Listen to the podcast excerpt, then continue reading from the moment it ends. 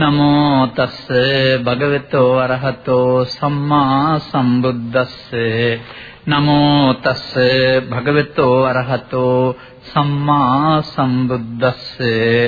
නමෝ තස්ස භගවතෝ අරහතෝ සම්මා සම්බුද්දස්ස. රූප තණ්හා භික්ඛවේ සබ්බ තණ්හා භික්ඛවේ ගන්ධ තණ්හා භික්ඛවේ රස තණ්හා භික්ඛවේ පොට්ටබ්බ තණ්හා භික්ඛවේ ධම්ම තණ්හා භික්ඛවේ අනිච්චා විපරිණාමී අඤ්ඤාත්ථ භාවී තීති. සංග්‍රහ ලංකා ගුවන්විදුලි මාධ්‍යයන් ඔස්සේ ඉරිදා ධර්ම දේශනාවන් ප්‍රිය කරන ශ්‍රවණය කරනු ලබන දවසේ අනුග්‍රහක බවතුන් මූලිකවට සිටින්නා වූ සදහැවර පින්වතුනි. දිගු කලක් මේ මාධ්‍ය තුළ රැඳී සිටමින් අපි පරපුරෙන් ගෙනා වූ සධර්මයට ගෞරව කරමින් පරපුරෙන් ගෙනා වූ සද්ධර්මයට සිංහලට පරිවර්තනය කිරීමේදී ඇති කරගත්තා වූ වැරදි අදහස් පැහැදිලි කරමින් නිවැරදි මඟක් දක්වමින් සිටිනවා අපි. සූත්‍ර දේශනා ඔස්සේ මේ වැරදි මේ සත්‍යයි කියලා ඔප්පු කරමින් පැහැදිලි කරමින් සිටිනවා. මේ අද මම තෝරාගත්ත ධර්ම දේශනාවත් එසේ කරුණක් සත්‍ය බව ඔප්පු කිරීම සඳහා ගත්තා වූ විශේෂ උත්සාහයක් බව මතක තබා ගන්න. කුමක්ද චතුරාර්ය සත්‍යයෙන් දේශනා කරන්නේ? දේශනා කරන්නේ ditth ධම්මපරයයක්. පළවෙනි එකෙන් දුකත් හේතුවක් පෙන්නනවා දෙවෙනි එකෙන් නැති උතරක් මාර්ගයක් පෙන්නනවා. ඒ දුක පෙන්වන එකේ හේතුව කියලා පෙන්වන්නේ මොකක්ද? යායම් තණ්හෝ පානෝ පෝනෝ භවිකා නන්දි රාග සහත තත්ත තත්ත අභිනන්දනී සයති දං කාම තණ්හා භව තණ්හා විභව තණ්හා.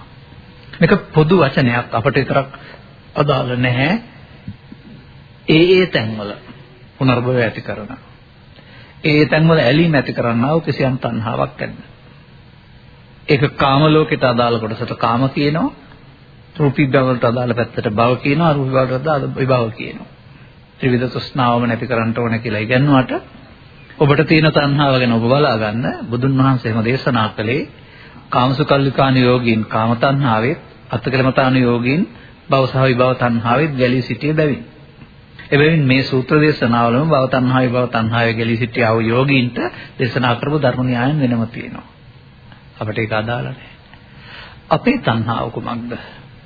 අහිංසක අම්මා කෙනෙකුත් දන්නවා නිවන් දකින්න නම් තණ්හාව නැති කරන්න ඕනේ කියලා. ඒ දැනගත්තට කොහෙ තියෙනවද දන්නේ නැහැ. තණ්හාව නම් නැති කරන්න ඕන කියලා දාන බාහිර වස්තු දන් දෙන්න තමයි ඒගොල්ලෝ පුරුදු වෙලා තියෙන්නේ. දැන් අපි මේ ධර්ම දේශනාවල අපි බෙදලා තියෙනව නේද ඔබ? පුද්ගලයෙක් වශයෙන් ඔබ බෙදනවා ස්ත්‍රී පුරුෂ ගිහි පැවිදි වශයෙන්.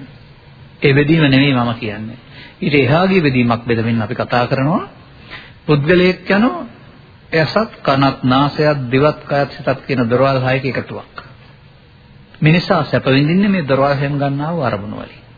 ඒක තමයි කම්සැප කියලා කියන්නේ. තම තමන්ට කැමති පරිදි සිතේ අරමුණක් හදාගෙන ඒක නැවත නැවතත් විඳීම ආස්වාදයයි. කොතරම් වින්දත් ඇති වෙන්නේ ආස්වාදයයි. ඒ අවස්වාදයේම ඔහුට සතරක් හදලා දෙනවා. ඒ නිසා පංචකාමයේ කියන්නේ දොරවල් පහ පිනවන එක දොරවල් පහෙන් සිත පිනවන එක. දොරවල් පහ නෙමෙයි පිනවන්නේ දොරවල් පහෙන් උපදින සිත. දොරවල් පහෙන් සිත උපදින්න බාහිර තියෙන රූප ශබ්ද ගන්ධ රස උදව් වෙනවා ස්පර්ශ. ඒවා ආශ්‍රයෙන් Tamange සිතේ පහළ වෙන්නා වූ කොටසට ප්‍රතිබිම්බ කියනවා ඉස්සරහා තියෙන එකට බිම්බ කියනවා. සිතේ හදා ගන්නා වූ ප්‍රතිබිම්බයක් තමයි අපි විඳින්නේ. මේක දවල්ට පැහැදිලි නෑ රාත්‍රියට හිතන්න. ඔබ නිින්දකින් සිටින විට ඔබ රූප, ශබ්ද, ගන්ධ, රස, පොට්ටබ්බ මංගල අවමංගල කටයුතු වලට යනවා. ඒ වේදනාව සැප හෝ දුක් හෝ උපේක්ෂා වේදනා ඒවා තියෙනවා නේද? මංගලෝත්සව කෙනා සැප තියෙනවා, අවමංගලෝත්සව කෙනා දුක තියෙනවා. සර්පේක් දෂ්ටයක නම් බය තියෙනවා. ඒ වගේ. එතකොට ඒ බාහිර වස්තුවක් තිබිලාද? නැහැ. ඔබේ සිතේ හටගත්ත දෙයක්. මෙන්න මේ සිතේ දෙයක් හටගෙන විඳවන එකට තමයි පංචකාමයේ විඳිනවයි කියලා කියන්නේ. ඒක හටගන්න බාහිරින් උදව් වෙනවා. දැන් ලස්සන වචනයක් තමයි සංකප්ප රාගෝ පුරිසස්ස කාමා නේතේ කාමා යානි චිත්‍රානි ලෝකේ කියලා පෙන්වන නිබ්බේතික සූත්‍ර ගාථාව. නේතේ කාමා යානි චිත්‍රානි ලෝකේ බාහිර ලෝකේ පවතිනා වූ රූප ශබ්ද ගන්ධ රස ස්පර්ශ වල මොනම කාමයක්වත් නැහැ. ඒවා ආශ්‍රයෙන් තමන් රුචි අරුචිපදි හිත හදාගත්තාම ඒකේ තමයි පුරුෂයාට ස්ත්‍රීට කාමය කියලා කියන්නේ. තේරුම් ගන්න. මේ නිසා අපිට මේ කාමය විඳින්නේ අපි ඇසෙන් කනෙන් නාසයෙන් දිවෙන් කයෙන් සහ සිතින්. නිසා අපි රූපකාම, ශබ්දකාම, ගන්ධකාම, රසකාම, පොට්ටබ්බකාම, ධම්මකාම කියලා කියනවා. නමුත් අපිට ඒක එහෙම දැක ගන්නට බැරි වුණා මේ රූප වේදනා සංඥා සංකාර පහ රූප වලටයි නාම වලටයි කැඩුව නිසා. එතකොට වේදනා සංඥා සංකාර පහට මොනව වෙනවද දන්නේ රූප කියන්නේ පට ව්‍යාපෝ තේජෝ නැත්තම් ශරීරය. එහෙම කියලා තමයි අපි කලක් තිස්සේ ඉගෙන ගන්නේ. අදකට බලන්න. නමුත් මේ සූත්‍රය මොකද්ද තියෙන්නේ? අපි කියමුකෝ මෙහෙම ශබ්ද තණ්හා, ගන්ධ තණ්හා, රස තණ්හා, පොට්ටබ්බ තණ්හා, ධම්ම තණ්හා. ඒක දරවල් හයෙන් එනේවනේ. ඒවා ශබ්දයේ ගන්ධයේ බවට පත් වෙලා රූප විතරක් ශරීර වෙන්නේ කොහොමද කියලා මට කියන්න. ඒ රූපය කියන්නේ පඨවි ආපෝ තේජෝ නැත්තම් ශරීරය කියලා බණ කියන අය, බණ අහන අය, පිළිපදින අය මට කියන්නේ ඒක. ශබ්දයට තියෙන තණ්හාව, ශබ්ද තණ්හාව, ගන්ධයට තියෙන තණ්හාව, ගන්ධ තණ්හාව, රසයට තියෙන තණ්හාව, රස තණ්හාව, පොට්ටබ්බේ තියෙන පොට්ටබ්බ තණ්හාව. අරමුණේ පව්පින් හෝ ධාන වශයෙන් තියෙන එක ධම්ම තණ්හාව. ඒ රූපයට තියෙන තණ්හාව කියන්නේ ශරීරයට තියෙන තණ්හාව. එතකොට රූපය කියන්නේ ශරීරයේද? නෑ රූප තණ්හා, ශබ්ද තණ්හා, ගන්ධ තණ්හා, රස තණ්හා, පොට්ටබ්බ තණ්හා රූප කියන්නේ රූප අරමුණ. දැන් හරිද? මේවා ඔප්පු කරන්න මේ සංයුත්ත නිකාය තුළ මෙහෙම සූත්‍රයක් දෙකක්වත් ඉතුරු වෙලා තිබුණ නිසා සද්ධර්මයේ ගැලවෙයි. නැත්නම් පංචස්කන්ධය කියන්නේ ශාරීරිය කිය කියා පංචස්කන්ධයේ වේදනා සංඥා සංකාර නාම ශරීරයේ රූප කිය කියා ඔප්පු කළ නොහැකි බොරු කියමින් සදහම් යටපත් කරලා තියාවි මේ සමාජයට. මේ වැරදි ලෙස පාඩම් කරගත්ත අය. පාඩම් කරගත්ත අය දැක්ක අය නෙමෙයි. දැන් මොකද්ද මේ සූත්‍රය පෙන්වන්නේ? මේක පෙන්වන්නේ ලස්සනට පෙන්නනවා. රූප තණ්හා. දැන් ශබ්දේ නම් කනේ ගැටෙනකොට පහළ වෙන අරමුණනේ ශබ්ද අරමුණ. එහෙනම් රූපේ නම් බාහිර රූපයක සෙවණැල්ල ආලෝකයේ උදව්වෙන් ඇසට වැටුනහම අක්ෂිකාජය තුළින් ආලෝකය ගමන් කොට චක්කු ප්‍රසාදය තුළ පිළිබිඹුවක් හදනවා. මේක මොකද්ද රූප රූපය. මේ රූප රූපය Tamanට කැමති පරිදි හතුරා මිතුරා කොට ගත්ත හැකි. හතුරා වශයෙන් දුක් වේදනාවෙන් විඳ හැකි මිතුරා වශයෙන් සැප වේදනාවෙන් විඳ හැකි. දැන් මේ හතුරා මිතුරා වෙන්නේ ඉස්සරහින් ඉන්න රූපේද Taman හදාගත්ත ප්‍රතිබිම්බයද? දැන් මේක තුල හදාගත්තා වූ සැප දුක බාහිර වස්තුවක තියෙන දෙයක්ද Taman හදාගත්ත එකක්ද? අන්න ඒකයි බුදුරජාණන් වහන්සේ පැහැදිලි කරලා දාරලා තිබෙන්නේ ඇස කන නාසය දිවකය නම් වූ ඉන්ද්‍රියන් පහක් මිනිසුන්ට තියෙනවා. මේ ඉන්ද්‍රයන් පහට සිත පිහිටනවා සිත අරමුණු සසේ විඳිනවා ඇරුණාම ඇහැ විඳින්නෙත් නැහැ ඔබ විඳින්නෙත් නැහැ. එකිනෙකට වෙනස් අරමුණු ඇසුරකට ඇත්තා වූ කියනවා ඇසර රූපේ කන්ට ශබ්දය. එකිනෙකට වෙනස් අරමුණු ගොදුරකට ඇත්තා වූ කියනවා කනට ශබ්දය ඇසට රූපය. එකිනෙකට වෙනස් අරමුණු වශයෙන් නොගන්නා වූ කියනවා. ඒ කියන්නේ ඇහැවත් කනවත් නාසයවත් දේවත් අරමුණු ගන්නෙ නැහැ. ඒවා ආශ්‍රයෙන් පිහිටන සිතට නමක් තමයි චක්ක විඥාන, සෝත විඥාන, ගාන විඥාන, જીවහා විඥාන, කාය විඥාන, මනෝ විඥාන. සිත් හයක්. සිත් හයට හටගන්නේ අරමුණු හයක්. සකස් වෙලා තියෙන්නේ ලෝකේ පවතින අරමුණු ගන්න දොරවල් හය සකස් වෙලා තියෙනවා. මේ පිළිබඳ විවරණයක් නැති පුතග්ජන පුද්ගලයෝ මෞකුසෙන් බිහි වුණ ජීවිත අවසානයේ දක්වා මැරෙන පුද්ගලයෙක් වශයෙන් හිතනවා වරනම ස්කන්ධ පහක් තුළ හිතන්නේ නැහැ. ජීවිත අවසානයේ මරණයටපත් වෙනවා කියලා හිතනවාම ස්කන්ධ පහෙන් පහට ඉපදෙමින් මැරෙනවා කියන එක තේරෙන්නේ නැහැ. ජීවිත අවසානයේ මරණයට සම්මුති මරණය කියනවා. චිත්ත වීතියක් විනාඩියක් දෙකක් තිබී මැරෙන එකට සම්තති මරණය කියනවා. ස්කන්ධ පහ හටගත්ත මැරෙනවට කියනවා ඛනික මරණ. පටාචාරයට වදාළ බුදුන් වහන්සේ නැගණිය ඔබගත් අරමුණ එසේමය ලෝකේ ශනික මරණත් සම්තති මරණත් හැර කිසිවක් නැත. ඒ ලෝකය කියන්නේ ස්කන්ධ ලෝකේ රූප දන සංඥා සංකාර පහයි.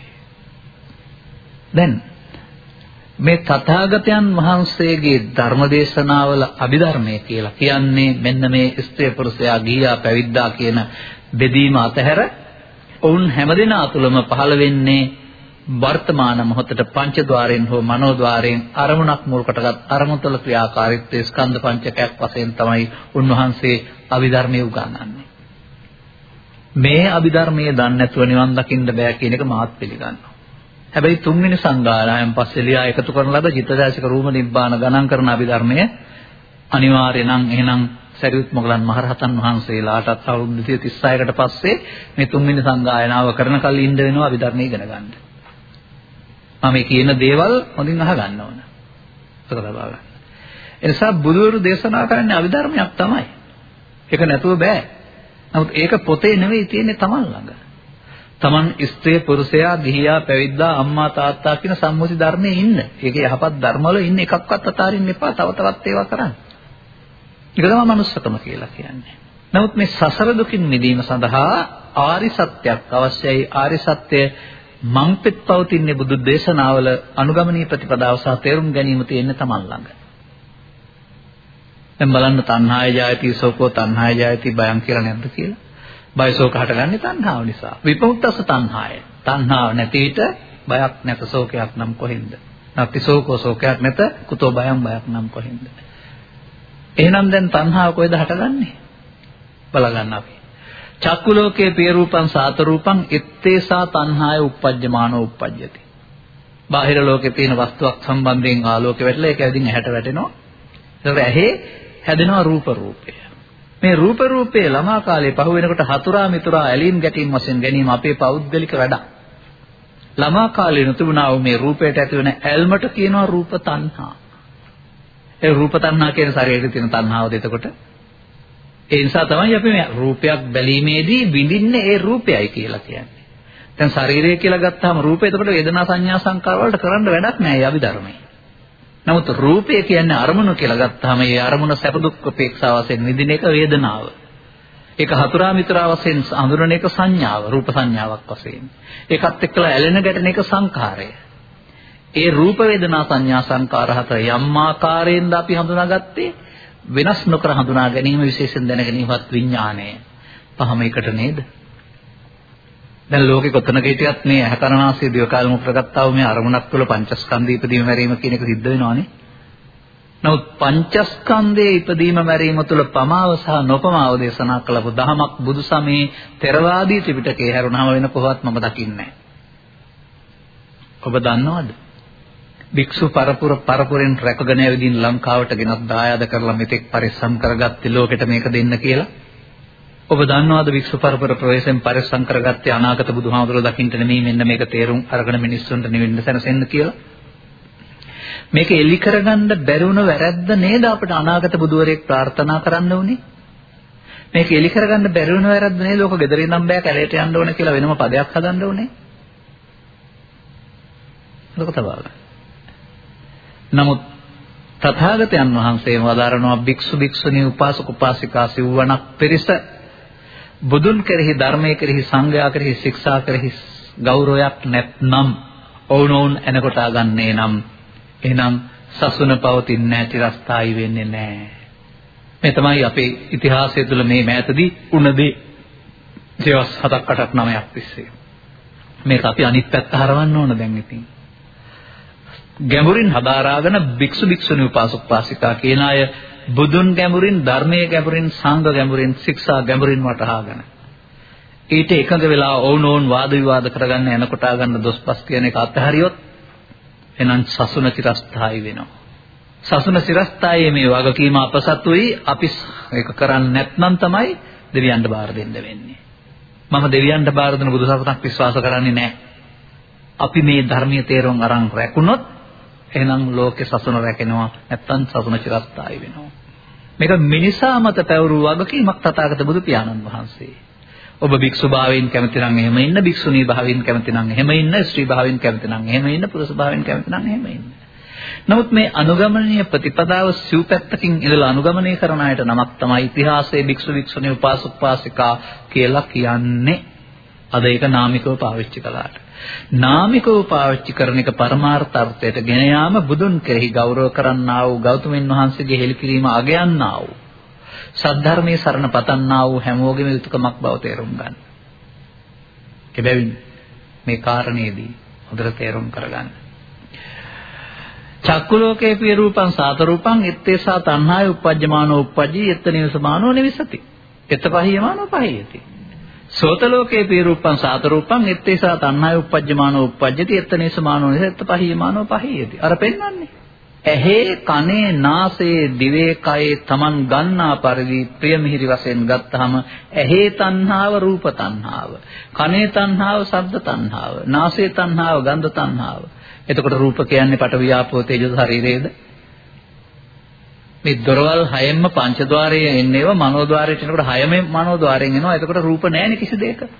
ද්‍රව්‍ය රූප එකක්වත් නැහැ. නමුත් අපිට නැද්ද හතුරා මිතුරා වශයෙන් පෙනලා ඒ සැප දුක් උපේක්ෂා වේදනා. මෙනිසා ඔබ තේරුම් ගන්න සිහිනේදී ඔබේ හිතට එන දේ විඳිනවා වගේ බාහිරෙත් ඔබ බාහිර දේවල් විඳින්නේ නැහැ. ඒ වාසයෙන් ඔබ හදාගත්ත දේ විඳිනවා. ලෝකෙට කතා කරලා කියන්න විඳින්නේ බාහිර දේ කියලා. නමුත් බාහිර දේ ආශ්‍රයෙන් තමා ගත්තා සිතවිල්ලක් තලු මරණ එක තමයි කාමය කියලා කියන්නේ. ඔය කාමයේ හිස් අසාර බවක් තියෙනවා කියන එකේ තේරුම ඔන්නෝකයි. බාහිර වශයෙන් තියෙන දේවල් වල වින්දනයක් නෙමෙයි තමන් හදාගත්ත දේ තමන්ට ආවෙනික දෙයක්. ඒ නිසා මේ තණ්හාව නැති කරන්න වෙන්නේ තණ්හාවක් තියෙන නිසා නෙමෙයි ඒක බොරුවක් නිසා. ඒ බොරුවක් නිසා තමයි ඒක නැති කරන්න වෙන්නේ. මගේ ධර්මදේශනාවල තියෙනවා අවුරුදු 15ක් විතර තිස්සේ කියන ලස්සන කතාවක්. මේ දේශනාවලත් 6 7ක ඇති. මේ දැසින් දුටු දෙයක් ආශ්‍රයෙන් මම විසින් නිර්මාණය කරන ලද කතාවක් මේක. දැසින් දුටු දේ තමයි අසල නිවසක ආහාරයටගෙන විනාශ වැතකට විසි කරන ලද මස් කටුවක් සති දෙකක් තුන හතරකට පසු සුනකෙක් අරගෙන අරන් ගිහින් තන කරගොල්ලක තියාගෙන අත් දෙක උඩ තියාන මේක හපනවා. මස්ලේ නැති ඇට බලු ලෙව කන්නේ. එතනින් එහාට මම දැක්කේ නෑ. එතනින් එහාට හැදුවා මම. ඌට කොච්චර හැපුවත් මේක හැපෙන්නේ නැහැ. දැන් ඒකේ මාංශ ඉවරයි මිනිස්සු කාලා ඉවරලා විසි කරලා තියෙන කටුව. නමුත් ඒකේ ඇතුළත තියෙනවා ගන්ධය. මාංශ ගන්ධය අපට වඩා සියුම් මොසනකයට දැනෙන නිසා අහු අරන් ඇවිදින් දැන් මේ ගන්ධය රස විඳින්න තමයි හපන්නේ. හපනකොට මොකද වෙන්නේ ටිකක් වෙලා යනකොට මේක මොලොක් වෙන්නේ නැහැ. තද නිසා හක්කතු වාල වෙනවා. හක්කතු වාල වුණාම හක්කෙන් ලේෙන්න ගන්නවා. ලේෙන්න ගන්නකොට ලේ රස උහුට දැනෙනවා. දැන් හො ලේ රස විඳිනවා. දැන් තවදුරටත් ඔහු මේ මස් කටුවේ තමයි මේ රස තියෙන්නේ කියලා හපහපා විඳිනවා. ඇත්තද කතාව? වෙන්න පුළුවන්ද? කවදාවත් සුනකයට තේරෙයිද මම විඳින්නේ මගේ ලේවල රහ කියලා? ඒ හක්කතුවාල වෙලා ලේ එන්න මස් කටුව උදව් වුණා විතරයි. සුනකයට ওই බඳ ටික කියලා තේරෙන්නේ නැහැ. මනුස්සයින්ටත් තේරෙන්නේ නැතිකොට. දැන් තේරුම් ගන්න මේ බුදුන් වහන්සේ පැහැදිලි කරලා දාලන්නේ බාහිර පවතින රූපයේ, ශබ්දයේ, ගන්ධයේ, රසයේ, පොට්ටබ්බ නම් වූ අරමුණු මස් කටුවක් විතරයි. මේක ඔබේ වැසෙන් කනින් නාසයෙන් ගැටෙනවා ඔබේ සිත. ඔබේ සිතේ තමයි මේ රූප තණ්හාව, ශබ්ද තණ්හාව, ගන්ධ තණ්හාව තියෙන්නේ. ඔබ විඳින්නේ ඔබේ සිතයි. මස් කටුව උදව් වෙනවා ලේ රහයෙන්ද වගේ බාහිර දේ උදව් වෙනවා ආරම්මණය ඔබේ සිතේ පවතිනා වූ ඇල්ම උපදවාගෙන විඳින්න. දැන් හරිද? දැන් තේරෙනවද පංචකාමයේ කියන එකේ තේරුම? තම තමන් කැමති පරිදි විඳිනවා කියන එකේ තේරුම. ඒකට රුචි ඇලින් ගැටින් තමන්ට කැමති හදා ගන්න පුළුවන්. නමුත් මේ සිතුවිල්ල හටගෙන නැතෙනවා දිගට තියන්න බෑ. අදත් හෙටත් අනිද්දාත් නැවතත් ජීවිත කාලයම පුරත් මේ සිතුවිල්ල උපදවා ගත්තත් එතනින් එහාට ගෙනියන්න බෑ. නමුත් ඒකට ඇති වුණා වූ ඇලීම නිසා නැවත විඳීමේ ඕනෑකම ඔබට සතරක් හදලා දෙනවා. දැන් දැක්කද පංචකාමයේ කියන එකේ රූප තණ්හා, ශබ්ද තණ්හා, ගන්ධ තණ්හා, රස තණ්හා, පොට්ටබ්බ තණ්හා, ධම්ම තණ්හා කියලා කතා කරන තණ්හා හයේ ප්‍රභේදය. දැන් මේ තණ්හා කියන්නේ කොතනද? තණ්හා කියන්නේ මෙන්න මෙතනයි. තින්නම් සංගති පස්සෝ පස්සපච්චා වේදනා වේදනා පච්චා තණ්හා. ඒ මොකද්ද කිව්වේ? ඇසේ ප්‍රසාදය ආලෝකයේ උදව්වෙන් ගැටෙන ගෝචර රූපය එක්තැන් වී හැදෙන්නා වූ හඳුනන්නා වූ රූප හඳුනන සිත.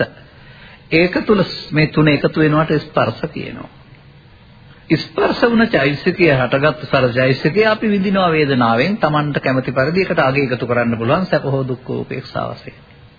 වේදනාව මිහිරි නම් ඇලෙනවා වේදනාව මිහිරි නම් ගැටෙනවා ඒකට කියනවා වේදනා පච්චා තණ්හා.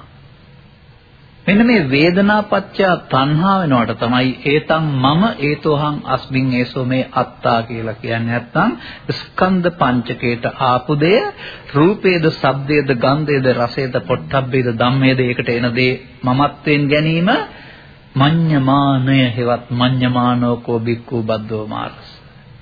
දැන් රූප වේදනා සංඥා සංකාර පහක් හට ගන්නවා. හැබැයි මම්ම මඤ්ඤමාණයෙන් ගත්තේ නැත්නම් සසරට බැඳෙන්නේ නැහැ නැසෙනවා. අපි කරන වැරද්ද මඤ්ඤමාණයෙන් ගැනීම නේද? රූප තණ්හා. රූප තණ්හා. දැන් එතකොට ඒ මොකද්ද කළේ අපි? ස්කන්ධ පංචකයට එන දේ රූප තණ්හාව මගේ මම මගේ මගේ ආත්මකට ගත්තා. ශබ්ද තණ්හාව, ගන්ධ තණ්හාව, රස තණ්හාව, පොට්ටබ්බ තණ්හාව තම තමන්ට රුචි පරිදි මේ විදිහට ඒතං මම ඒතොහං අස්මින් ඒසෝ මේ අත්තා කියන වචනෙන් කියවන්නේ නැති වුණාට ගන්නවා. ඔබ දන්නවාද ඒකට තමයි නিত্য සුඛ ආත්ම කියන්නේ. මගේ මම මගේ ආත්ම සමානයි නিত্য සුඛ ආත්ම. දැන් සත්වයා සසර ඇවිදින්නේ මෙසේ දොරවල් හයට එන අරමුණ මගේ මම මගේ ආත්ම හෙවත් නিত্য සුඛ ආත්ම කොට ගැනීමෙන් ඇති කරගන්නා වූ රූප, ශබ්ද, ගන්ධ, රස, පොට්ටබ්බ ධම්ම නැත්නම් කාම තණ්හාව නැත්නම් නැවත නැවත විඳීමේ අනාගත ශ්‍රීණය පිටපස නෙවෙයිද? තියෙන දෙයක්ද විඳින්නේ? සුනකයා වින්දේ තියෙන දෙයක්ද? මස් කටුවේ තිබෙනවද රස නැහැ. ඒ උදව් වුණා විතරයි. තේරෙනවද ඔබට? සසර කලකිරෙන්න බුදුහාමුදුරෝ දේශනා කරපු ධර්මයේ කලකිරෙනවා කියන්නේ අප්‍රිය වෙනවා කියන එක නෙමෙයි. අතක තපා ගන්න. සංසාරයේ මේ පෙන්වන්නා වූ හිස් අසාර බව තේරුම් ගත්තාම කවදාවත් මේක පස්සේ ගිහින් ඇති වෙන්නේ නැහැ කියලා තේරුම් ගත්තාම තමයි මෙය මේකට කලකිරෙන්නේ. ඒ කලකිරීම කියන්නේ අපසන් වීමක් නෙමෙයි. මේ ඇලිලා ඉන්නේ හදාගත්ත දෙයක්. මේ ඇලීම තුල ඊට පස්සේ මොකද වෙන්නේ? මේක වැරදි පැත්තට ගත්තොත් ඊට පස්සේ තණ්හා ජායති සෝකෝ තණ්හා ජායති බලන්න මේක ඊට පස්සේ manussකම අතහැරලා ගවයාසුනක යථාස්වය පැත්තට දිව හැදෙනවා. ඒක පිටිපස්සේ ලුහු බැන්දොත්. එතකොට ඒ අපාය තියනවාද Taman මේ අරමුණට තලු මරන්න ගිහින් හදාගත්තද? තේරුම් ගන්න මේ කාරණාව. තේරුම් ගත්තයින් පස්සේ මොකද්ද කරන්න ඕන? ඔන්න දැන් තණ්හාය ජායති සෝකෝ තණ්හාය ජායති බයං ශෝකේ බය ජනිත වෙන්නේ මෙන්න මේ තණ්හාව නිසා. දැන් දුකත් හේතුවත් මේක තුල පවතිනවා. දැන් එහෙනම් ඔබට තණ්හා කීයක් තියෙනවද? ච ඉමේ තණ්හා කායෝ. හරිද පොතේද තියෙන්නේ? කායෝ කියන්නේ කයද? ස්කන්ධ. රූප තණ්හා, ශබ්ද තණ්හා, ගන්ධ තණ්හා, පොට්ටබ්බ තණ්හා, ධම්ම තණ්හා. වේදනාවට තණ්හා කළොත් තණ්හා උපාදාන භවයවත් වැරද්ද සිද්ධ වෙනවා. ඒ අනාගත පැවැත්ම හදන හැටි සසර. මේ ප්‍රමාදය. මේ තමයි ලෝකයා පවතුල පිනතුල ධානය තුල දියුණුව තුල ලෞකික දියුණුව තුල කරමින් ඉන්න දේ. ලෞකික එක. එහෙනම් ලෞකික සැපත තුළ මොනවා හෙව්වත් ඒකට ආයු වර්ෂයක් බල ඇරුණාම මේ ලෝකෝත්තර තැනට යන්න බෑ මේ වරද හදන්න නැතුව. මේ පමාවෙන් මිදෙන්න නැතුව. තේරුම් ගන්න ඕන කාරණාව. අන්න බුදුරජාණන් වහන්සේ වදාහරනවා රූප තණ්හා වික්කවේ මොකද්ද පෙන්වන්නේ අනිච්චා විපරිණාමී අඤ්ඤාත භාවී දැන් අනිත්‍යය කියන්නේ ඒක ඇති වෙනව නැති වෙනව කියන එකද නෑ. අන්න ඒක තමයි වරද්දන තියෙන්නේ. මේක ඇති වෙන නැති වෙන එක පිළිගත්තත් නැතත් සිදු වෙන දෙයක් අරමුණක් තුළ. නමුත් බුදුරජාණන් වහන්සේ වක්කලි සූත්‍රයේ වදාළ කාරණේදී අපට තේරුම් ගන්න පුළුවන්කමක් තිබෙනවා. මේ ස්කන්ධ පංචකයම තේන දේ අනිත්‍යද දුක්ඛද අනාත්මද නිට්ටයද සුඛද ආත්මද කියලා වක්කීරියෙන් අහපම ස්වාමීනි අනිත්‍යයි දුක්ඛයි අනාත්මයි කියලා උත්තරයක් දීලා කියනවා. තථාගතයන් වහන්සේ වදාරනවා අනිත්‍ය දුක්ඛ අනාත්ම දෙයක් මගේම මගේ ආත්ම වශයෙන් ගැනීම සුදුසුද? මෙතනින් ඔබට ගලප ගන්න තාම තේරෙන්නේ නැද්ද? රූප තණ්හාව, ශබ්ද තණ්හාව, ගන්ධ තණ්හාව, රස තණ්හාව, පොට්ටබ්බ තණ්හාව මගේ නෙවෙයි මායයාගේ. මායාගේ දෙයක් මගේ නොවන මම නොවන මගේ ආත්ම නොවන දෙයක් මගේ මම මගේ ආත්මකට ගැනීම අපි සතරේ කරන වරද්ද නෙවෙයිද අනිත්‍ය නිච්ඡන්ති වික්කවේ සංඥා විපල්ලාසා චිත්ත විපල්ලාසා දිට්ඨි විපල්ලාසා සුභ විපල්ලාසා. අනිත්‍ය නිච්ච සංඥනෝ දුක්ඛේ දුක්ඛ සංඥා අනත්තානි අත්තාති අසුභේ සුභ සංඥනෝ මිච්ඡා දිට්ඨිගතා සත්තා සත්‍යාති මරණ ගාමිනෝ. අනිත් දුක්ඛ අනාත්ම අසුභ දේවල් නිත්සුකාත්ම සංඥාවෙන් අරගෙන සත්‍ය අසකර ඇවිදිනවා දැන් ගලපගන්නේ මොකද්ද? මගේ නොවන මම නොවන මගේ ආත්ම නොවන දේවල් මගේ මම මගේ ආත්මකට ගැනීමෙන් මායයට බැඳේ. ඔන්න අපි බුදුවරයෙක් හමු නොවන තාක්කල් සැපපස්සේ යන්නේ මේ මිරිඟුව පිටපස. මරීච කූපමා සංඥා හොයාගන්නකෝ.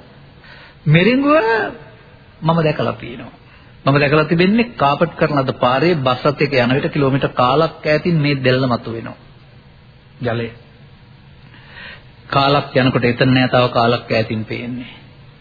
මෙරිඟුව කියන්නේ කවදාවත් ඒ දුරින් තියෙන එකක් කරනව ළඟට ගන්න බැරි දෙයක්. ඔබ හිතනවද මේ කාමයේ විඳලා කවදා හරි ඔබට ඇති වෙයි කියලා? නෑ. අනන්ත සංසාරයේ ජීවිත ලක්ෂ ගණනක් ඕක හොයන්නේ නැති. හමුනේ නෑ. වැඩියෙන් වරද්දට ගියොත් එහෙම ගවයා සුනකයා තාස්සය ඇරුණාම ඔක හම් වෙන්නේ නැහැ කවදාවත්. මරීච කූපමා සංඥා. ඒ නිසා මේක පිටපස ලුහු බැඳීමෙන් අතහරින්න ඕන. එතකොට ඔය අරමුණේ තියෙන වේදිත සුඛ නිසා හම්බ වෙන අරලෝදහමේ දුක වෙනුවට අරලෝදහමේ දුකක් නැතුව යනවා. අවේදිත සුඛයක් හම්බ වෙනවා. ඒ බුදුන් වහන්සේට උදුරා ගන්න බෑ නැති කරන්න බෑ ඇති නැති වචන පාවිච්චි කරන්න බෑ. නිරෝධ සත්‍ය පෙන්වනවා ඒ තණ්හාව නැති කිරීමෙන් ලැබෙන සැපත නිර්වාණයට කිරීමේ මාර්ගය. දැන් බලන්න. මොනවද කරන්න තියෙන්නේ කියලා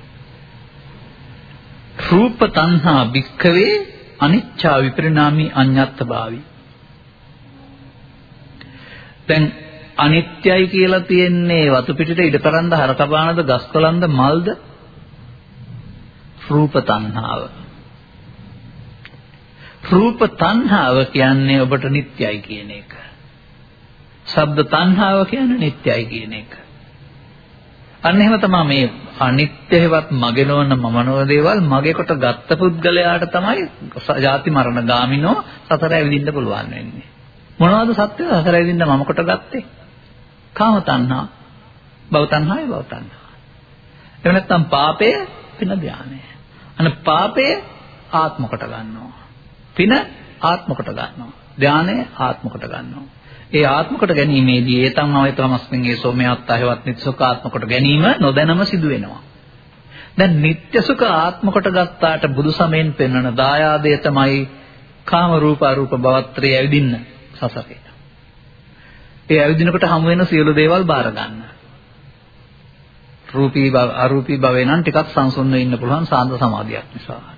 දිව්‍යකාමයේ නම් දුකක් නැතුව දිව්‍යකාමයේ දරක් වෙන්න පුළුවන් ඝනසුරක් නිසා සහ පුණ්‍ය චේතනා පමණක් පහළ වෙනවා. නමුත් එතන ස්ථාවරයි කියලා වදාරන්නේ නැහැ. අරූපී ධානලාභියත් ආගන්තාරෝ පුනබ්බවං. දෙවියෝ එතනින් චුත වෙනවා චරණ දාම. මනුස්සයින් හොයින් එහාට ගියොත් එහෙම ඒව ඇතිවෙන්නා වූ යුදබිය, දිනිබිය, ජලබිය ආදී මේ සියලු දේවල් ඔබ විඳින්න ඕන මේක හොයන්න ගියාම. මම බලන් ඉන්නවා මෙහෙම දෙයක්. අහමුයි අහම්මේ. කොටු කර ගන්නාලද මේ ගවේකුගේ මස් කන්න හදනවා ව්‍යාග්‍රයෙන් කොටියන් කීප දෙනෙක්. අමුෙන් මරන්න හදන්නේ දැන් හපලා. එක්කෙනෙක් ඉස්සරහින් පැත්තෙන් ගිහින් ඔළුව වනවන හොරතල් වෙනවා බරුවට. ඒ අයර පැත්තට අවධානය යොමු කරන්න. මේ පැත්තෙන් මරාන කයල කඩාන කන කල. අරුවර රැවටිල්ලක් කරනවා ආදරයක්ද පෙන්වන්නේ. මට හිතුණා ගවයින්ගේ ආදී සත්තුන්ගේ ජීවිත අගයක් නැතුව කුකුලන්ගේ ජීවිත ඝාතනය කරපු අය වෙන්න ඇති මේ මාංශ ශරීර හදාගෙන පණ පිටින් මරු මේ මස් කවන්නේ කන්නේ කියලා. එමයි මේ කර්ම නියාමයේ හැටි. මම මේක තවත් දෙයක් දකිනවා.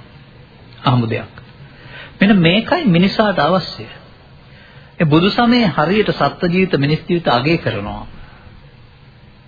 සබ්බේ බායන්ති මච්චනෝ අත්තානං උපනං කත්වා නහනෙය්‍ය මරන්න එපා, ඝාතන දඬුවම් කරන්න එපා. ගහපර දෙන්න එපා, දඬුවම් දෙන්න එපා. මේ මා දුටු දේ චිත්‍රපටික වෙන්න පුළුවන් නැත්නම් හිතාමතා පැටිකලක දෙයක් වෙන්න පුළුවන්. විශේෂයෙන් දරුවන්ට දැනගන්න සහ සමාජයට දැනගන්න මේක කියන්නේ. මම දකිනවා සාගරය තුල බෝට්ටුවක් යමින් තිබෙනවා. මේ ඉන්නේ කාන්තාවන් දෙදෙනෙක්. කවුන් දෙදෙනා මේ බෝට්ටුව ක්‍රියාහිත කරලා එළියට එනවා. උන්ට යමක් දැනිලා. කැමරාවෙන් පෙන්වනවා ඩොල්ෆින් නම් මාළුවෙක් වතුර උඩ කොන්ද තියාගෙන කොන්ද උඩ සුනකෙක් තියාගෙන එනවා. ඌ දන්නවා වතුර යට ගිය සුනකයට ජීවත් වෙන්න බෑ තරම් ඌ බුද්ධිමත්. ඌ දන්නවා ඌගේ ජීවිතය වගේ සුනකයා ජීවිතෙත් වටිනවා කියන්නේ. ඒකයි ඌට බුද්ධිමත් කියන්නේ.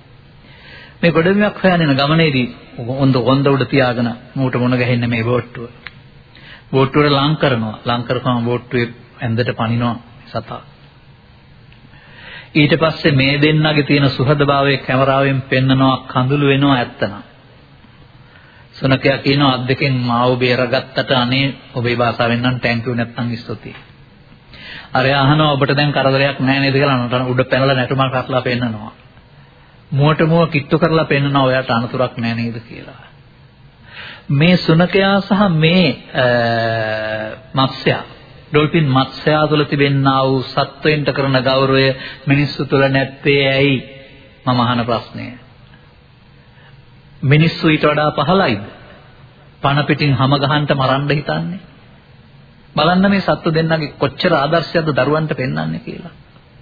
ජීවිතයක් බේරා ගැනීම වටිනාකම ජීවිතයේ අගේ. ඒ නිසාමයි මම මේක මාධ්‍යයට කියන්නේ. ඕක ඇති ඔය Facebook වල හරි චිත්‍රපටි හරි බලන්න. මට වඩා ඔබට පෙනෙයි. නමුත් ඒ පෙන්නන දේ ඒ වුණෙන් පෙන්වන හැඟීම අනතුරක් වළක්වලා දීලා ජීවිතේ බේරලා දීලා අර සතත් අහිංසක සතුට වෙනවා. උට පුළුවන් නම් hina වෙන්න අපි වගේ දහ ගුණයක් hina වෙයි.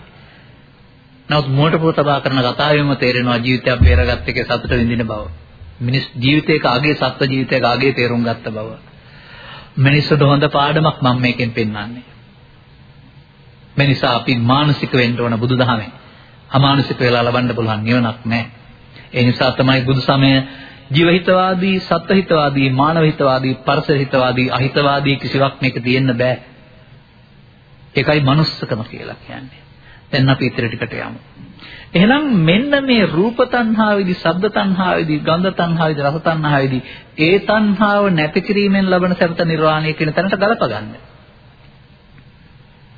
ඒක නැති කරන්නේ මගේ මම මගේ ආත්ම කොට ගැනීමෙන්ද? නෑ. අන්න ධර්මයේ වශයෙන් පෙන්වනවා මොකද්ද? අනිච්චා විපරිණාමී අඤ්ඤත්ත භාවය.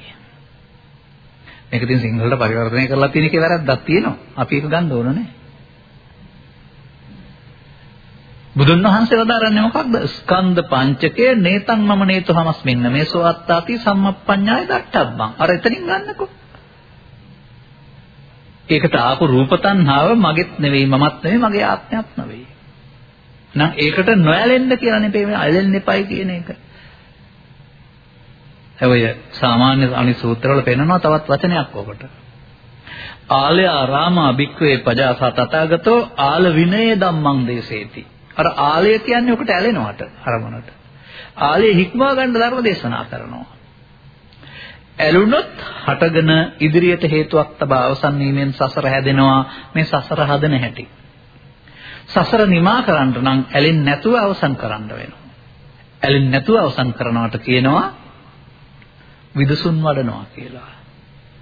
එහෙම නැත්නම් ඇසෙන් කනෙන් නාසයෙන් දිවෙන් කයෙන් ඔබ පෙර හදාගත් පරිදි බාහිර ලෝකේ ජීවත් වෙනකොට ඒවා නිසා ඔබේ සිතේ තියෙන හැඟීම පච්චුප්පන්නංච යෝ ධම්මං යම් දහමක් ප්‍රත්‍යයන්ගෙන් උපදිනවා එතන එතනම බලන්න රූප තණ්හාවද, ශබ්ද තණ්හාවද, ගන්ධ තණ්හාවද, රස තණ්හාවද, පොට්ටබ්බ තණ්හාවද මම ඒ මමද තත්ත තත්ත විපස්සති.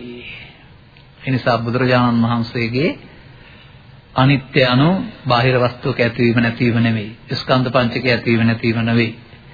මමත්වයෙන් ගැනීමට නමක් නিত্য සුඛාත්ම මමත්වෙන් නොගැනීමට නමක් අනිදුක්ඛානාත්ම. අනිච්චා විපරිණාමී අඤ්ඤත්ත භාවි අනිදුක්ඛානාත්මයි කියන්නේ. රූප තණ්හාව අනිත්‍යයි දුක්ඛයි අනාත්මයි කියන එක නේද ධර්මය? රූප තණ්හාව නිට්ටයයි සුඛයි ආත්මයි කියන එක නේද සසර යවිදින පාර? මෙතෙන්ට එන නැතුව කොහොමද මේ දුකින් මිදෙන්න පාරවල් හදන්නේ අපි? ගොඩින් අවශ්‍ය තැනට එකතු වෙන්නේ නැතුව. දැන් බලන්න මේකට ගලපලා ඉන්ද්‍රිය භාවනා සූත්‍රය. හැබ් එක පියාන භාවනා කරන්න ඉගෙන ගන්නයි විශේෂයි. ධර්මයේ තේරුම් ගත්තන් පස්සේ අරමුණ හදන්න පුළුවන් නම් විවේකී භික්ෂුවකට අරඤ්‍යගතව රුක්කමූලගතව ජුංකායම් පරිදාය පනිමුකම් සටින් මනෝද්වාරිකෙන් ඕක හදන්න පුළුවන්. නමුත් ඒකෙන් කියන්නේ ඔක්කොම කැලේට ගිහින් ගහක් මුල ඉඳගෙන මනෝද්වාරික හදන්න කියන එක නෙමෙයි. චක්කුණා රූපං දිස්සා සෝතේන සද්දං සුත්තා ගානෙන්න ගාද්නං ගායිත්වා uppajjati සුඛං සෝමනස්සං ඒතං සංකතං ගෝලාරිකං පටිච්චසමුප්පන්නං එතකොට ඒකෙන් පෙන්වන්නේ මොකක්ද? ඇහැට රූපයක් දැකීමේදී, කනට ශබ්දයක් ඇහිීමේදී, නාසයට ගන්ධයක් දැනීමේදී. අපි ඇලුම් කරේ බාහිර දෙයටද අපි හදාගත්ත තැනද කියන මේ කාරණාව පරතරය හොයාගන්න. මේක එකට එකක් වෙනස්.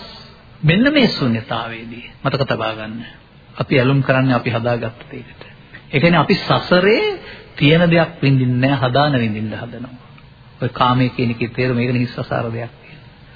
දැන් ඉත්තේස එතන සංකතං ඕලාරිකම් පටිච්චසම්පන්නං ඒ පස්සේ යන්නේ නැතුව එතන යම්කිසි උපේක්ෂාවක් ඇද්ද ඒක හීනහින ප්‍රසාන්තයි ප්‍රණීතයි කියලා. ඒ අරක අතහැරලා උපේක්ෂා වෙන්න කියලා කියන්නේ. අර පස්සේ අරමුණ පස්සේ ලුහු බඳින එක අතහැරලා නිහඬ වෙන්න. නිහඬ වෙනකොට අරක මොකද වෙන්නේ? අල්ලගත්තේ නැති නිසා නැති වෙනවා. ඒ නැති වෙන්නේ අනාගත ඵලයක් උපදින්න උපාදාන නොවි. ස්කන්ධ පංචකේ නම් වූ ධර්මතාවය ඇසේ කනේ නාසයේ දිවේ කයේ නින්ද හැරෙනුට හැම මොහොතේදීම ක්‍රියාත්මකයි. ඔබට සිහියෙන් ඉන්න පුළුවන් නම්.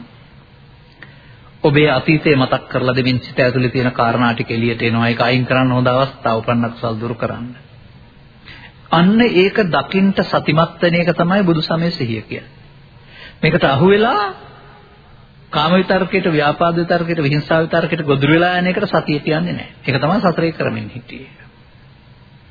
හොඳට තේරුම් ගන්න ඕන අර මම කියපු උදාහරණයෙන් සුනකයා කවදාවත් මස් කට්ටේ රස විඳින්නේ නැහැ මස් කට්ටේ හේතුවක් විතරයි.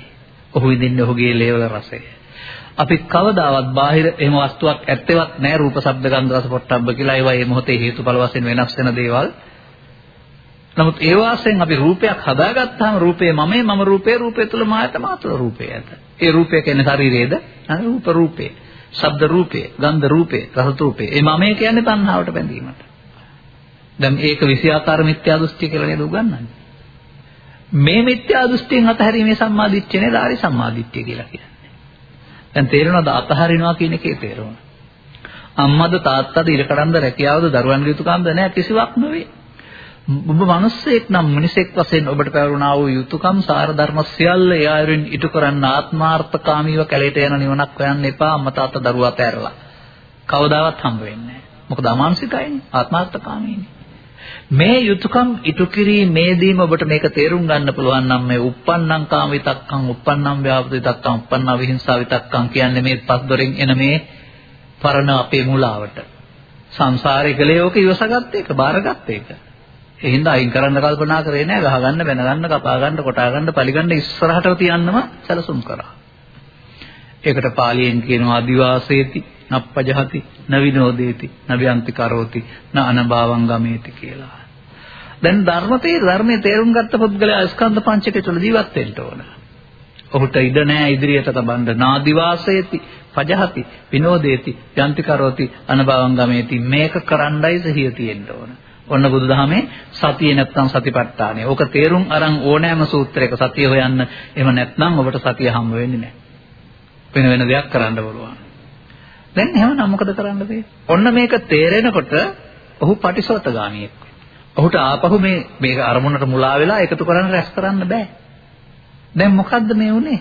අරමුණේ ඇලීමට ගැටීමට මුලා වීමට නමක් තමයි නිත්‍ය සුඛාත්ම කියන්නේ. ඇලෙන්නේ ගැටෙන්නේ නැත්නම් ඒකට නමක් තමයි අනිත් දුක්ඛ අනාත්ම කියන්නේ. අපි අනිච්චන් දුක්ඛං අනාත්තා කියලා හිතනවා කියනවා නෙවෙයි. කේසාලෝමානක අනිච්ච දුක්ඛ අනාත්තා කියලා මේ විතක්ක ਵਿਚාර කරලා වචනයක් හදනවා නෙවෙයි මේක. අරමුණේ ඇලීමට නමක් නිත්‍ය සුඛාත්මකවත් මගේ මම මගේ ආත්ම. අරමුණේ නොයල්මට නමක් අනිත් දුක්ඛ අනාත්මවත් මගේ නොවන මොන වශයෙන් ගැනීම. දැන් මොකද වෙන්නේ? දැන් අපි ඒක අතහැරියා. මේ සිතුවිල්ලට රැවටෙන එක අතහැරියා. එයි සිතුවිල්ලට රැවටීමේ ආස්වාදයේ ආදීනව තමයි අපාය දිවි ලෝක බ්‍රහ්ම ලෝක සසර ගමන කියලා කියන්නේ. හොයනවා. කවදාවත් හම්බ වෙන්නේ යන්න වෙනවා. ඒ හොයන පැත්තට යන්න වෙනවා.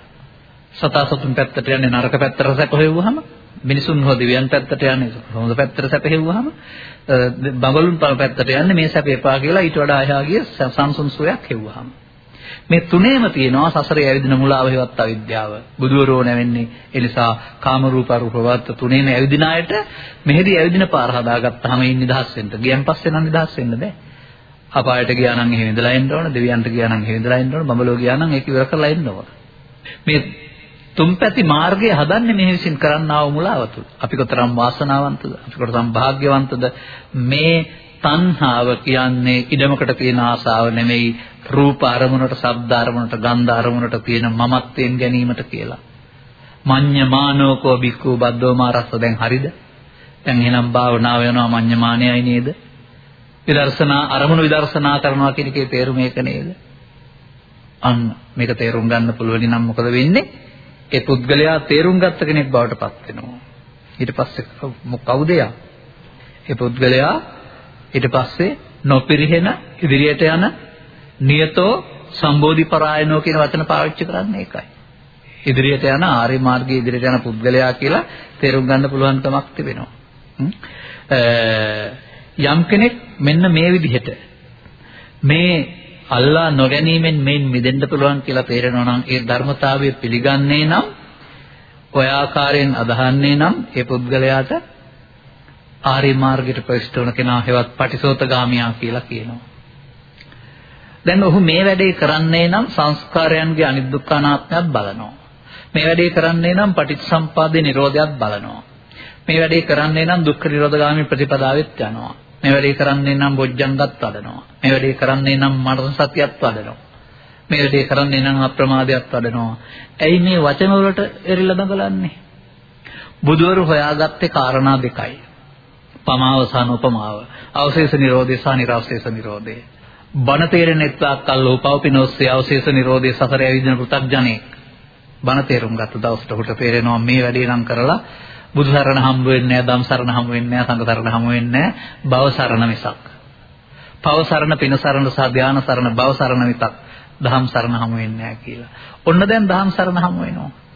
ඒ ධම් සරණ හම්බ වුණ පුද්ගලයාට සංසාර ගමන ඇවිදලා අබුද්ධෝත්පාද බුද්ධෝත්පාද පහු කරලා අපාගත ජීවිත පහු කරලා දෙවියන් අතර ඉඳලා බ්‍රහ්මයන් අතර ඉඳලා මේ කනකැස් බෑවා වියසුදුරින් අහස බලන්නාසේ හෙවත් සියවසකට වතාවක් එන විට සිදුදුරින් අහත පේන්නාසේ. මේ අතිදීර්ඝ සංසාර ගමනේ ගොස් බුද්ධෝත්පාදයක මිනිසත් බව ලබා මේ Nirodha හමු වීම සදහම් හමු වීමයි තවත් ලබන්න දෙයක් කරන්න දෙයක් නැහැ පිනෙන් ලබන්න ඕන දේ ආයි වර්ෂයක් බල ලැබිලා තියෙනවා. ඒක උදව් කරගෙන මේ සසර කකෙන් මෙදෙන්ට ගෞතම සසන තුළ මේක උදව් කරගන්න එම ගෞතම බුදුන්ට කරන උපහාරයක් එහෙම ගෞතම බුදුන් වහන්සේ සරණ යාමක්. එහෙම ධර්මයේ සරණ යාමක්. එනිසා මේ සංගතනිකායේ කන්දක වර්ගයේ 4 1 10 සූත්‍රයට කියන්නේ 4 1 9ට කියන්නේ 8 4 1 8ට කියන්නේ තණ්හා සූත්‍රය මේ තණ්හා සූත්‍රය තමයි තියෙන්නේ රූප තණ්හා භික්කවේ අනිච්චා දුක්ඛාය අභිඥාත භාවී. දැන්වත් තේරෙනවද රූප තණ්හා කියන්නේ ශරීරයට තියෙන තණ්හාව නෙමෙයි ශබ්ද ගන්ධ රස පොට්ටබ්බ අරමුණ නම් රූපත් අරමුණු කියලා. දැන්වත් තේරෙනවද පංචස්කන්ධයේ රූප කියන්නේ ශරීර නෙමෙයි කියලා? අන්න එහෙම තේරුම් ගන්න. එතකොට එහෙමනම් අපට බුදුන් වහන්සේ මේ ආර්ය ධර්මයේ දේශනා කළේ ස්කන්ධ පංචකය මුල් කොටගෙන. ස්කන්ධ පංචකයෙන් මමත්වෙන් ගැනීම අතහැරෙනකොට ඔබට ඔබ පාවිච්චි කරන්නේ ධර්මයේවත් අනිදුක්ඛානාත්ම. අල්ලගන්න නැත්නම් හේතු විතරණේ අවසන් වෙන ධර්මයේ සරණින් ඔබ ක්ලේශයන් ප්‍රහීන කරනවා දුකින් මිදෙනවා.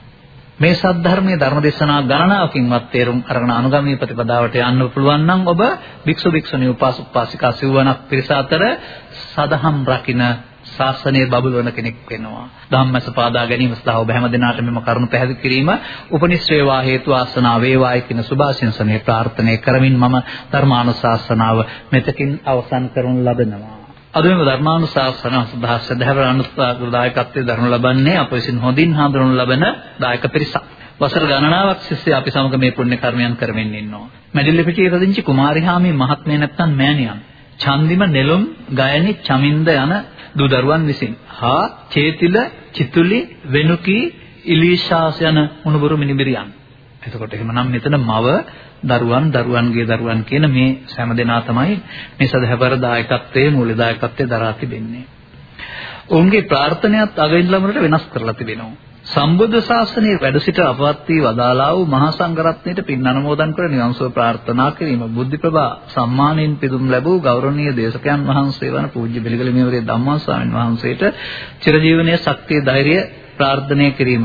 නිරෝගී සුවය සහ දීර්ඝාස ප්‍රාර්ථනා කිරීම. 2020 අප්‍රේල් මාස 30 වන දිනට අවුරුදු 4ක් සම්පූර්ණ වෙන්නා වූ පරලොසපත් වී වසර 4ක් සම්පූර්ණ වෙන්නා වූ වාරියපොළ බමුණාකොටුව දඹලියද්ද මැඩිල්ල පිටියේ පදිංචි සිටියා වූ දයාබර අප්පච්චි නැත්නම් ස්වාමි පුරුෂයා බීච් ගුණතිලක මහත්මාට සහ දයාබර කිරියත්තා ගෞරවයෙන් සිහිපත් කිරීම සඳහා අවශ්‍ය නම් පින් බලාපොරොත්තු වෙනක විශේෂ නම් පින් අනුමෝදන් කර නිවන් සුව ප්‍රාර්ථනා කිරීම සඳහා.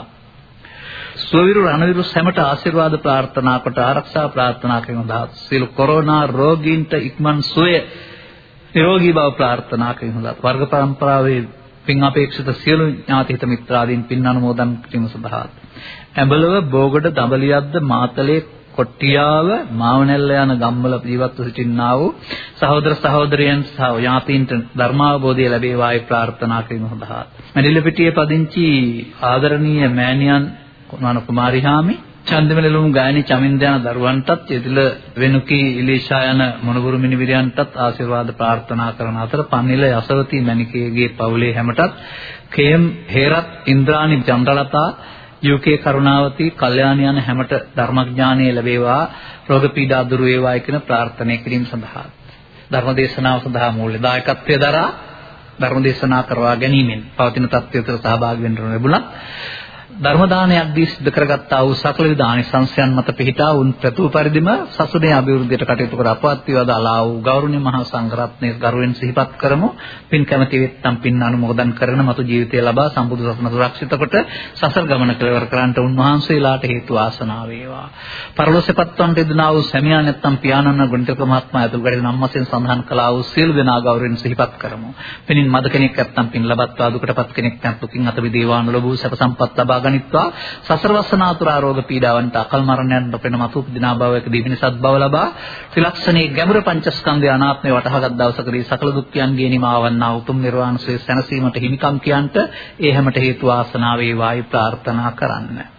ස්වවිරුවන් රණවිරුවන් සිහිපත් කරමින් ආරක්ෂා ප්‍රාර්ථනා කරන්න කොරෝනා රෝගයේ වසංගතයක් නොවි ඉක්මනින් හැම දෙනාගේ ජීවිත ගැලවේවායි ඔවුන් ප්‍රාර්ථනා කරනු ලබනවා. මේ මවට මේ දරුවන්ට මේ මුණුවරමිරියන් හැම දෙනාටමත් මේ ආනිසංසය මෙලොව වශයෙන් නිදුක් නිරෝගී සුව සහ දීර්ඝාසක සම්පත් පිණිස හේතු වේවා. යන්නේන ගමන් විමන්ද රැකියාදී කටයුතු යහපත් අනාගත බලාපොරොත්තු දරුවන්ගේ අධ්‍යාපන කටයුතු සඵල වේවා රෝග පීඩා අවම වේවා. අලුතින් රෝග පීඩාවකටපත් නොවේවා. කල්යාණ මිත්‍ර සෙවණේ අගේ වැටේවා ත්‍රිලක්ෂණ වැනි දහම් කරුණක ගැඹුර සහ අනුගමනී ප්‍රතිපදාව වටහා ගන්නට ලැබීම තුලින් ඔබට සකල දුක්ඛයන්ගේ නිමාවන්නා උතුම් නිර්වාණ සුවෙන් සැනසෙන්නට හේතු ආසනාව වේවායි. සාදු කියලා අදිෂ්ඨාන කරගන්න ප්‍රාර්ථනා කරගන්න. ආකාසට්ටාච බුම්මට්ටා දේවානාගා මහිද්దికා පුඤ්ඤං තං අනුමෝදිත්වා. චිරං රක්කන්තු තං සදා. සෑම දිනාටම තෙරුවන් සරණයි.